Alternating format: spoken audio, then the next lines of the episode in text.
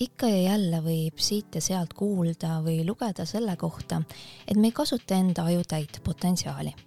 teadlased ei ole selle väitega ka üldse nõus. tere tulemast kuulama podcasti Ennast juhtiv mina esimest osa.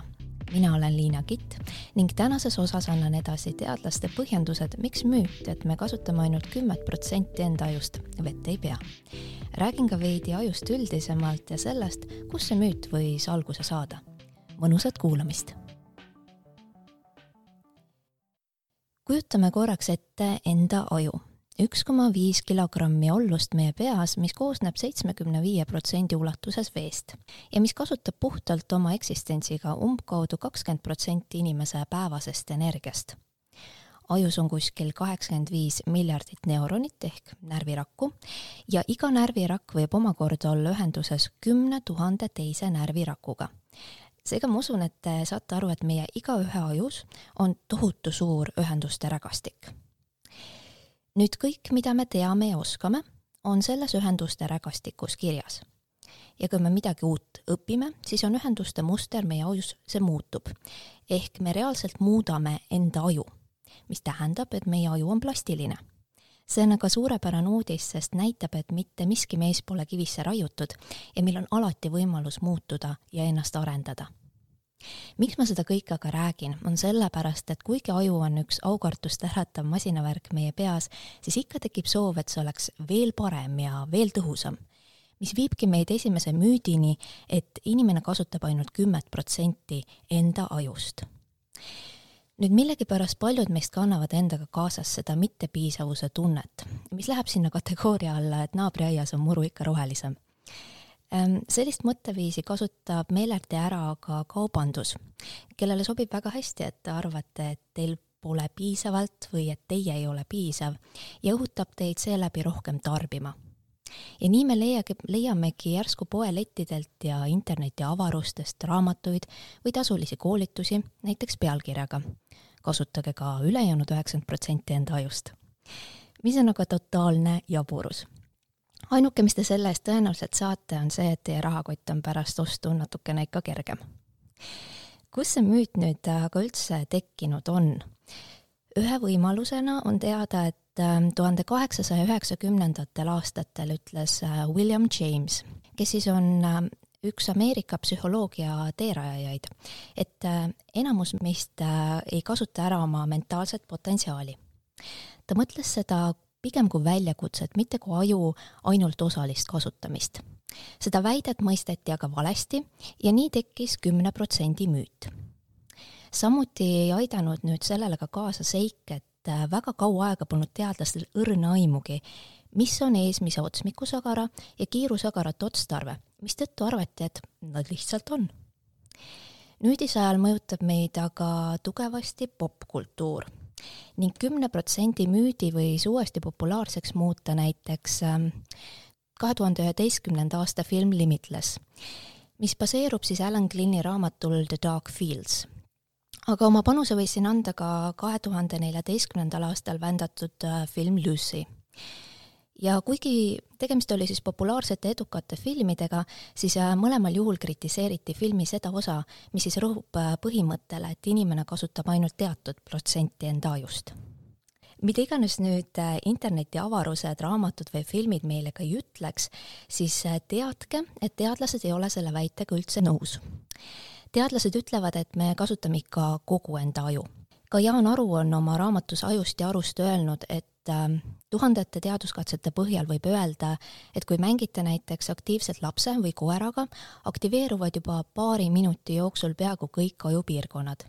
ja Kristjan Port ütles äh, kahe tuhande kuueteistkümnendal aastal välkloengul tabavalt, et isegi loll inimene kasutab sada protsenti oma ajust, lihtsalt outcome on selline, nagu ta on mõeldes nüüd veidi teistsuguse nurga alt, mõtleme inimeste peale, kellel on näiteks ajukahjustus. siis kui me tõesti kasutaksime ainult kümmet protsenti enda ajust, siis ei tohiks ju enamus kahjustusi meie käitumisele ja mõtlemisele mitte mingisugust mõju avaldada. aga nad ju avaldavad teadke, et ähm, aju on väga praktiline ja ta ei jäta mitte midagi kasutamata. näiteks kui inimene on jäänud pimedaks siis tema visuaalsed ajupiirkonnad ei istu jõude ja mõtle, et jee, nüüd ootab meid ees nelikümmend aastat kestev pensionipõli. ei, vaid nad asuvad tööle hoopis näit- või töötlema hoopis näiteks äh, kuulmisinformatsiooni. aju on juba väga tõhus ja seal kehtib see kasutaja kustuta printsiip. seega me kasutame kindlasti kogu oma aju, mitte ainult kümmet protsenti. nüüd see uskumus, et äh, me ei kasuta kogu oma aju või et me ei kasuta oma aju piisavalt efektiivselt, võib viia ka ühe teise probleemini, näiteks Ameerika Ühendriikide tippülikoolide näitel, kus siis ähm, konkurents on väga tihe, pinge suur, püüavad tudengid äh, õpitulemusi parandada, kasutades aineid, mis on mõeldud aktiivsus- ja tähelepanuhäiretega inimestele. katsed aga näitavad, et äh, tervete inimeste puhul nende manustamisega paremaid tulemusi ei kaasne küll aga võid sa saada osa negatiivsetest kõrvalmõjudest, nagu näiteks unehäired, liigne ärrituvus, peavalu, iiveldus ja nii edasi. ainete tarbimine tähelepanu ja mälu parandamise eesmärgil võib esialgu anda tulemusi, kuid äh, pikema tarbimise korral toob see endaga kaasa pigem probleeme nii tervise kui ka sotsiaalsete suhete seisukohast. liigume siit nüüd edasi. Keegi võiks nüüd öelda, et ei, me ei kasuta mitte kümmet protsenti oma ajust, vaid kümmet protsenti oma aju potentsiaalist. ehk äh, kõik ajuosad on küll tervikuna töös, kuid me ei kasuta kogu tema võimekust ära. nüüd antud väite puhul on äh, jama selles, et mitte keegi pole aju potentsiaali mõõtnud. Sellist mõõteriista ei ole vähemalt hetkel olemas ja keegi ei tea, milline on üldse sada protsenti. seega ei saa keegi ka tegelikult väita või öelda või teada, kui palju me praegu kasutame äkki see, mis meil praegu on, ongi maksimum, mida ajult saab üldse välja pressida. kui me tuleksime nüüd podcasti algusesse tagasi, siis mäletate, ma ütlesin, et äh, iga närvirakk on ühenduses umbes kümne tuhande teise närvirakuga. nüüd võiks tekkida küsimus, aga mis siis, kui neid ühendusi oleks rohkem? Kas see viiks siis kuidagi ägedama ajuni? ja teadlased ütlevad siinkohal, et vastus on ei, sest ühenduste arvu piirab aju suurus ühendused on kulukad, see tähendab, nad võtavad palju energiat ja nad võtavad ka ruumi ja meil ajus ei ole ekstra ruumi. teisest küljest on tihedamalt ühendatud ajus küll rohkem seoseid, kuid näib, et see ei vii mitte suurema nupukuseni, vaid on pigem seotud hoopis vaimsete häiretega. Nüüd mõelge ise, kui te mäleks, mäletaksite iga hetke oma elus, kas see oleks siis teie jaoks kingitus või pigem needus? kusjuures maailmas on kuskil kuuskümmend inimest, kellel on selline eripära, kellest siis osad aga näevad seda negatiivsena ja samas on inimesi, kes näevad, et see on väga positiivne. tundub siin, et äh, siinkohal sõltub väga palju ellusuhtumisest. Teadlaste silmis pole aga kõige mäletamine inimese intelligentsuse tunnusmärk inimese nutikus põhineb pigem ikka andmete osaval harvendamisel ja abstraheerimisel, ehk siis kõik, mis on oluline, jääb ja ebaoluline kustutatakse mälust. nüüd kokkuvõtteks võib öelda, et äh, te võite täiesti rahulikult võtta.